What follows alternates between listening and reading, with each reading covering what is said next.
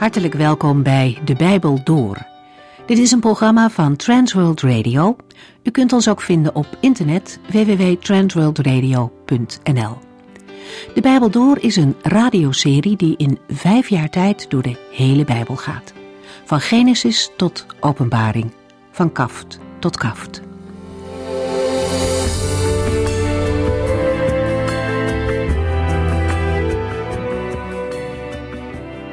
Luistert u vandaag met ons mee naar de eerste brief aan Timotheus. Paulus moedigt zijn medewerker Timotheus in deze brief aan om de goede strijd te strijden en het geloof vast te houden. Ook in de begintijd van de gemeente waren er al mensen die het geloof kwijtraakten omdat ze niet naar de waarschuwingen van hun geweten luisterden en een verkeerde weg op gingen. Een zuiver geweten is een geweten dat gereinigd en geïnspireerd wordt door de Heilige Geest. Hij wil gelovigen van zonde overtuigen en hen ervoor bewaren.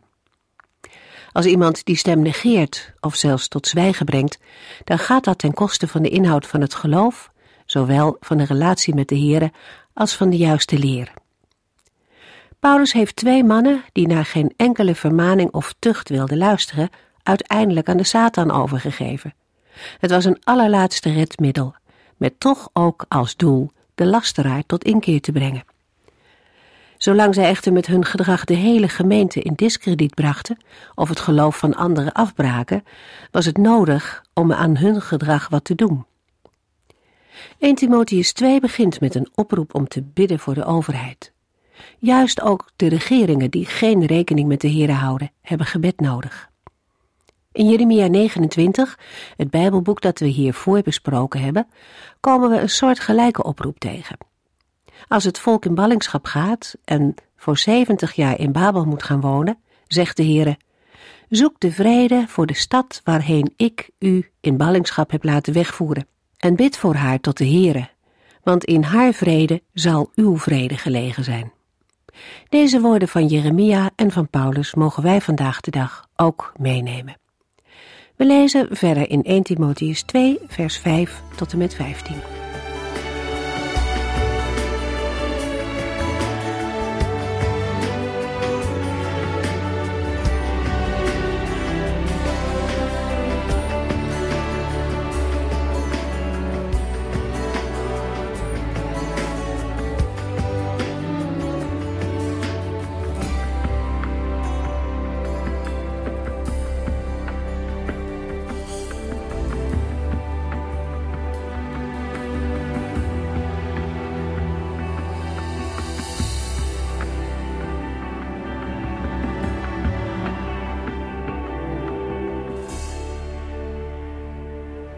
De vorige uitzending hebben we gelezen dat de apostel Paulus aanwijzingen geeft voor het bidden. Opmerkelijk dat Paulus in een tijd waarin hij zelf ook verdrukking en vervolging door de overheid heeft ervaren, oproept om juist voor koningen en alle anderen die een hoge positie hebben te bidden. De apostel schrijft in vers 3: Dat is goed en aangenaam voor God, onze redder. Maar waarom? Omdat de Heere graag wil dat alle mensen de boodschap van het evangelie zullen aannemen. 1 Timotheus 2 vers 5 Want hij wil dat alle mensen het volgende zullen aannemen. Er is maar één bemiddelaar tussen God en de mensen, de mens Jezus Christus. Zowel Paulus als Petrus schrijven dat God ernaar verlangt alle mensen te behouden. Dat betekent niet dat alle mensen ook gered zullen worden. De Bijbel maakt duidelijk dat velen God zullen afwijzen. In Matthäus 25 wordt duidelijk dat er een scheiding zal plaatsvinden tussen goede mensen, naar Gods maatstaven, en andere mensen die dat niet zijn. Jezus zegt in Matthäus 25, vers 45 en 46: Toen u de minste van mijn broeders niet wilde helpen, wilde u mij niet helpen. Die mensen zullen eeuwig gestraft worden maar de goede en eerlijke mensen zullen eeuwig leven. De Bijbelgedeelten geven aan dat het evangelie bedoeld is voor alle mensen. Het is niet beperkt tot mensen van één ras, geslacht of nationaliteit. God houdt van de hele wereld en heeft zijn zoon gezonden om de wereld te redden. Hij heeft verdriet om een ieder die zich van hem afkeert. Vers 6 maakt duidelijk dat alle mensen door de zonde van God gescheiden zijn. Er is maar één persoon die tussen beiden kan komen en kan terugbrengen naar de Heere God. En dat is de Jezus Christus. In vers 6 zegt de apostel Paulus: God heeft deze boodschap op het juiste moment aan de wereld bekendgemaakt. Dat gegeven dringt tot de volgende vraag: Heeft Hij u en jou al terug bij de Vader mogen brengen? 1 Timotheus 2, vers 7. Ik ben uitgekozen, daar kan geen twijfel over bestaan, als Gods boodschapper en apostel om vreemde volken de waarheid te vertellen en hun te leren dat zij door het geloof gered kunnen worden. Paulus heeft ook zelf de opdracht van Christus ontvangen het getuigenis van Gods liefde voor alle mensen te verkondigen. En hij moet de boodschap doorgeven dat Jezus Christus de losprijs heeft betaald. Dat Paulus door de Heer was aangesteld, werd kennelijk door sommigen bestreden. Vandaar dat de apostel zeer nadrukkelijk met een beroep op zijn verbondenheid met Jezus Christus verzekert dat daar geen twijfel over kan bestaan. Het is zeker mogelijk dat het apostelschap van Paulus werd bestreden, maar het is waarschijnlijker dat sommige gelovigen met een Joodse achtergrond de bediening van Paulus onder de niet-Joden niet konden aanvaarden. Deze mensen wilden uitleggers van de Joodse wetten zijn en hadden als Jood moeite met Paulus als Gods boodschapper en apostel om vreemde volken de waarheid te vertellen. Dat sommige gelovige Joden moeite hadden met de verkondiging van het evangelie aan de niet-Joden, zeker als dit niet gepaard ging met het verplichtend opleggen van de Joodse wetten, blijkt uit verschillende Bijbelteksten.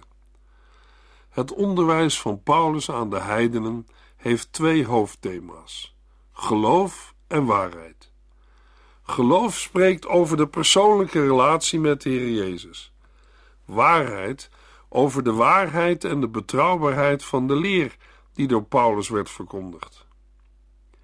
1 Timotheus 2 vers 8 Daarom wil ik dat als mannen hun handen opheffen om te bidden, zij eerlijk en oprecht zijn, zonder enige twijfel of bitterheid in hun hart.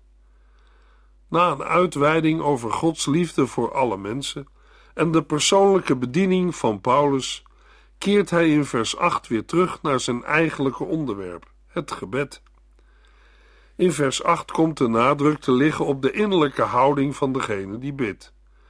Het gaat hier niet om het bidden op zich, maar om het bidden in alle eerlijkheid en oprechtheid, zonder twijfel of bitterheid.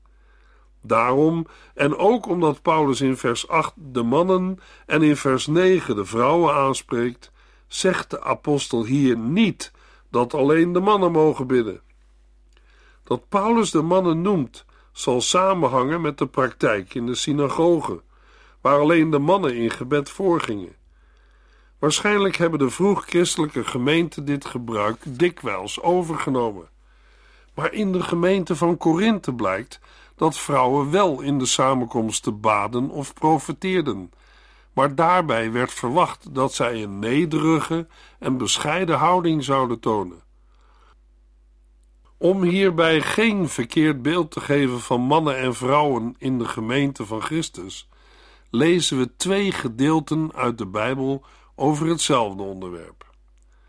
In 1 Corinthiërs 11, vers 2 tot en met 16 schrijft Paulus: Ik ben blij dat u steeds aan mij denkt en nog precies weet wat ik heb gezegd, en dat u zich houdt aan alles wat ik heb doorgegeven. Maar ik wijs u op iets dat u moet weten. Christus is het hoofd van elke man. De man is het hoofd van zijn vrouw en God is het hoofd van Christus. Als een man bidt of Gods woord doorgeeft met iets op zijn hoofd, maakt hij zijn hoofd te schande. Maar als een vrouw bidt of namens God spreekt met onbedekt hoofd, is dat een schande voor haar hoofd. Dan staat zij gelijk aan een vrouw die kaal geschoren is. Als een vrouw niets op haar hoofd wil dragen, kan zij net zo goed haar haren laten afknippen. Maar als zij dat onfatsoenlijk vindt, moet zij iets op haar hoofd dragen. Een man hoort niets op zijn hoofd te hebben, hij is de afdruk en de afspiegeling van God. Maar de vrouw is de afspiegeling van haar man, want de vrouw is uit de man gemaakt en niet omgekeerd. God heeft immers de vrouw voor de man gemaakt en niet de man voor de vrouw. Als teken daarvan en ter wille van de engelen moet een vrouw haar hoofd bedekken. Maar vergeet nooit dat in het leven met de Heere de vrouw niets is zonder haar man en de man niets zonder zijn vrouw. Want hoewel de eerste vrouw uit de man is genomen, wordt iedere man uit een vrouw geboren. En de oorsprong van alles is God. Zeg nu zelf, broeders en zusters, is het fatsoenlijk dat een vrouw zonder hoofdbedekking tot God bidt? Leert de natuur zelf niet hoe het hoort? Het is voor een man een schande om lang haar te hebben, maar als een vrouw het haar lang draagt, is dat een eer voor haar, want het lange haar is voor de vrouw een natuurlijke sluier. Als het over deze dingen gaat, moet u niet per se gelijk willen hebben. Daar gaat het ons ook niet om, net zo min als de andere gemeenten. Ook in 1 Corinthians 14, vers 34 lezen we nog een aanvulling. Waar gelovigen bijeenkomen, moeten de vrouwen zwijgen. Zij mogen niet spreken, maar moeten zo nederig zijn dat aan de mannen over te laten. Dat staat trouwens ook in de wet van Mozes. De Corinthiërs volgen het onderwijs van de apostelen zoals Paulus hun dat heeft onderwezen. Zij houden de onderwezen waarheid zorgvuldig vast, waar Paulus blij over is en waar hij hen over prijst. De situatie in de gemeente van Korinthe is dan ook beslist niet in elk opzicht slecht. In de versen 3 tot en met 16 behandelt Paulus het thema de hoofdbedekking en haardracht van de vrouw in de samenkomst. De reden waarom Paulus op dit thema ingaat, hangt waarschijnlijk samen met de brief die de apostel uit Korinthe heeft ontvangen. De regels over de hoofdbedekking en haardracht van de vrouw hangen nauw samen met de Joodse en Griekse gewoonten en het tijdsbepalende gevoel wat fatsoenlijk, normaal en natuurlijk is. Opgemerkt moet worden dat in onze tijd het gevoel voor fatsoen of gepastheid meestal anders is. Maar het principe van het onderscheid in het voorkomen en uiterlijk van man en vrouw is onveranderlijk. Het is al in het Oude Testament door de Here ingesteld. Dit moet dan ook zichtbaar zijn in de wijze waarop mannen en vrouwen zich kleden. Over speciaal de haardracht van de vrouw vinden we naast 1 Timotheus 2 vers 9 verder alleen nog aanwijzingen in 1 Petrus 3 vers 3. In de huidige kerkelijke cultuur kan het voorkomen van mannen en vrouwen in de christelijke gemeente soms een heet hangijzer zijn. In wezen gaat het bij deze dingen om eerbied voor door de Here ingestelde inzettingen. Hij wil dat er onderscheid is in het voorkomen van mannen en vrouwen. Daarbij gaat het ook in de gemeente van Christus om fatsoen en gepastheid. Paulus schrijft: Daarom wil ik dat als mannen hun handen opheffen om te bidden, zij eerlijk en oprecht zijn zonder enige twijfel of bitterheid in hun hart. Het opheffen van de handen tijdens het gebed kennen we uit het Oude Testament. Deze houding heeft wel degelijk te maken met de innerlijke gesteldheid van de bidder. Ze is een uitdrukking van het besef uit genade gerechtvaardigd en geheiligd voor God te mogen staan. Een gelovige moet voordat hij gaat bidden eerst vergeven wat hij ook tegen iemand mocht hebben. Door twijfel of bitterheid zullen de gebeden tot de Heere worden belemmerd. In Hebreeën 11, vers 6 lezen we: Wie tot God komt, moet geloven dat Hij bestaat en dat Hij beloont wie Hem zoeken. Het is een aanbeveling die we, als we samenkomen als gelovigen, altijd in acht moeten nemen. 1 Timotheus 2, vers 9 en 10 en de vrouwen moeten bescheiden zijn, nuchter en netjes in hun kleding en gedrag. Gelovige vrouwen moeten opvallen door hun vriendelijkheid en goedheid, niet door opvallende kapsels, sieraden of dure kleding. In vers 9 gaat Paulus verder met zijn aanwijzingen over de juiste instelling bij het gebed in de gemeente. Zoals de mannen in vers 8 werden gewezen om zonder enige twijfel of bitterheid in hun hart in de gemeente te verschijnen, zo worden de vrouwen in vers 9 gewaarschuwd voor uiterlijk vertoon. Toch gaat het Paulus vooral om het innerlijk. Het Griekse woord voor kleding betekent zowel uiterlijk gedrag, dat ook in de kleding blijkt, als innerlijke houding. De apostel Paulus geeft in de eerste helft van dit vers dan ook niet zozeer een voorschrift over de kleding van een vrouw, maar wel dat zij zich met een waardige houding moet sieren, namelijk fatsoenlijk, bescheiden en ingetogen. In de Bijbel wordt een goede verzorging en mooie kleding voor een vrouw niet afgekeurd. Maar het is zeker niet de bedoeling dat zij door kostbare sieraden, luxueuze kleding en opvallende kapsels alle aandacht op zichzelf vestigt. Vrouwen die zeggen dat ze de Heeren dienen en vereren, horen zich te sieren door middel van goede daden.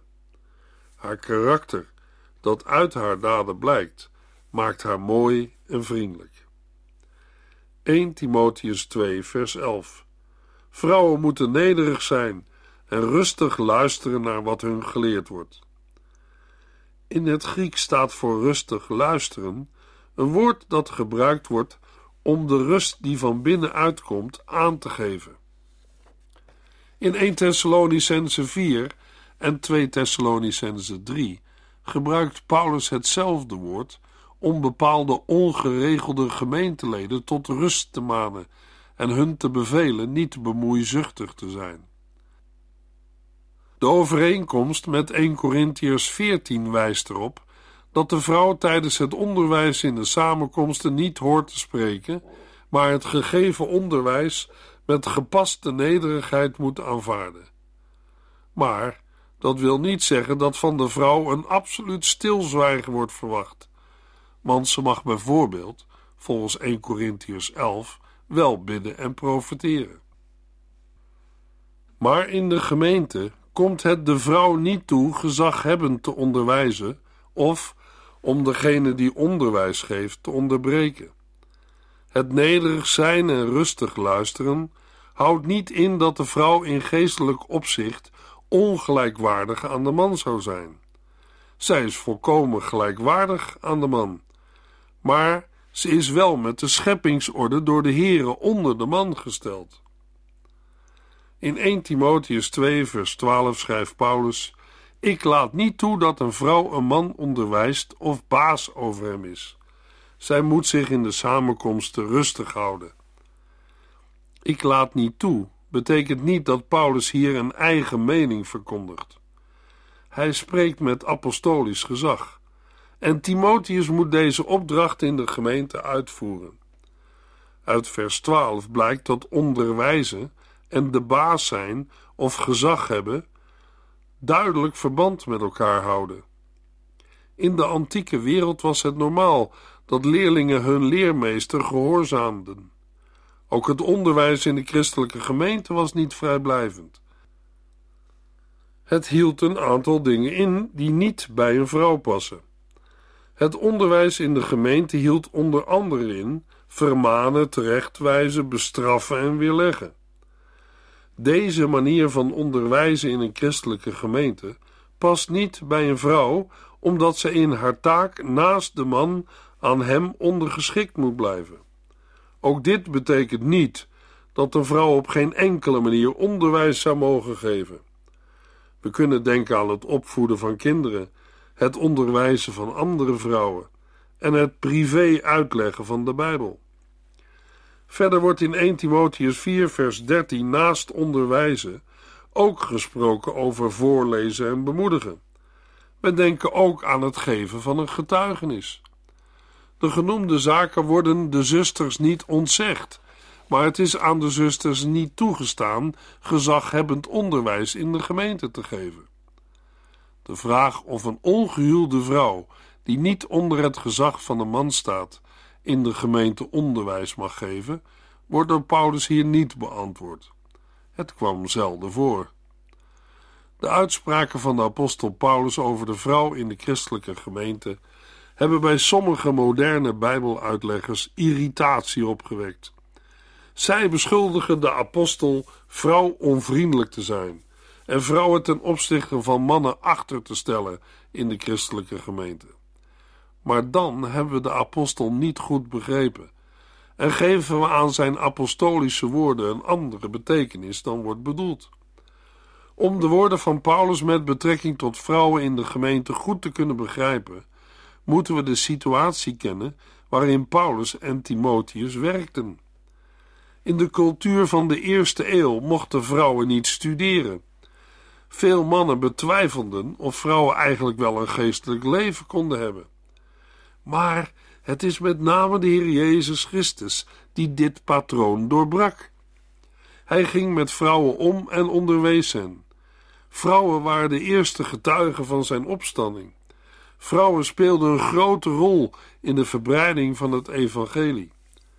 Toen Paulus zei dat vrouwen nederig en rustig moesten leren, bood hij hun nieuwe mogelijkheden. Maar Paulus wilde niet dat de vrouwen in Efeze onderwijs gaven. De gemeente in Efeze had grote problemen met valse leraars. Blijkbaar waren juist vrouwen vatbaar voor hun leer. Bovendien misbruikten sommige vrouwen hun nieuw gevonden christelijke vrijheid kennelijk door ongepaste kleding te dragen. Paulus waarschuwde Timotheus niemand als leider aan te stellen die nog onvolwassen in het geloof was. Paulus liet niet toe dat een vrouw mannen onderwees in de samenkomsten van de gemeente. Zij mocht geen gezag over hen uitoefenen. Waarom niet? Omdat de Heere de man heeft geschapen als het hoofd van zijn vrouw en wil dat zij, overeenkomstig zijn instelling, die plaats ook inneemt. Dat maakt haar beslist niet minder waardig, want net zo heeft de Heer Jezus zich onderworpen aan zijn Vader. Vrouwen hadden een grote taak in de gemeente. Priscilla onderwees samen met haar man Aquila de grote prediker Apollos. Febe was een diakones. Maria, Trifena en Trifosa deden veel werk voor de heren, evenals Euodia en Sintige. Dat de vrouwen zich in de samenkomsten rustig moesten houden, wijst vooral op een innerlijke houding van gewilligheid, eerbied en rust. Voor volstrekt zwijgen kent het Grieks een heel ander woord. 1 Timotheus 2, vers 12 tot en met 14. Ik laat niet toe dat een vrouw een man onderwijst of baas over hem is. Zij moet zich in de samenkomsten rustig houden, omdat God eerst Adam heeft gemaakt en pas daarna Eva. Omdat Eva en niet Adam zich heeft laten verleiden en Gods gebod heeft overtreden. De sociale orde tussen man en vrouw en tevens de rangorde in de gemeente wordt hier gebaseerd op de chronologische volgorde bij de schepping. In 1 Corinthians 11, vers 9 wordt daaraan toegevoegd dat de man niet om de vrouw, maar de vrouw om de man geschapen is. Dat de vrouw geen gezag mag hebben over de man, is niet gegrond op een cultuurbepalende gewoonte, maar op de scheppingsorde die de Heere God bepaalde. Na de zondeval is het natuurlijke leiderschap van de man in die zin verstoord dat hij over de vrouw ging heersen.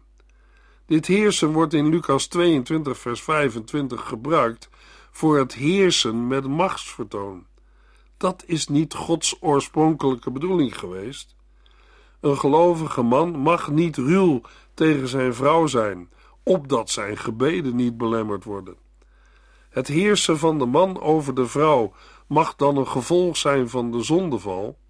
De positie van de vrouw is gebaseerd op de scheppingsorde. Dat de vrouw als eerste door Satan werd bedrogen en tot zonde verleid, moet dan ook niet gezien worden als een oorzaak voor haar ondergeschikte positie, maar eerder als een nadere verklaring. De vrouw is zo geschapen dat zij gevoeliger is voor geestelijke beïnvloeding dan de man. Dit geldt zowel in positieve als in negatieve zin. Daarom is zij niet de aangewezen persoon om in het gezin of de gemeente de leiding te hebben. De man is degene die de verantwoordelijkheid draagt. Het is niet de bedoeling van Paulus om de vrouw de schuld of de verantwoordelijkheid voor de zondeval te geven. Adam heeft zelf ook gezondigd en werd door de Heer als eerste verantwoordelijk gesteld. Elders maakt Paulus duidelijk dat, ook al werd de vrouw als eerste misleid, toch de verantwoordelijkheid van de zonde bij de man ligt. 1 Timotheus 2 vers 15 Maar God zal haar daarvan bevrijden, door haar vermogen kinderen te baren. Als zij tenminste op hem blijft vertrouwen en een rustig leven leidt, vol liefde en soberheid.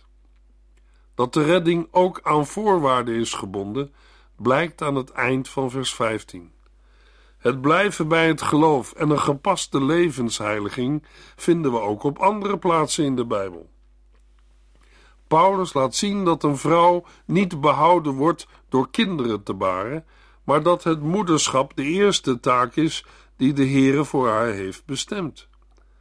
Die tekst heeft natuurlijk geen betrekking op die vrouwen die onvrijwillig kinderloos zijn. Wel verkondigt Paulus in dit vers dat het moederschap voor andere taken gaat.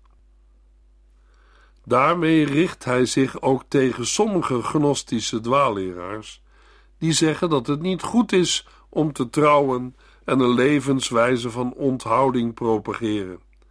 Zij verafschuwden het huwelijk, seksualiteit en voortplanting. In de volgende uitzending lezen we 1 Timotheus 3, vers 1 tot en met 8.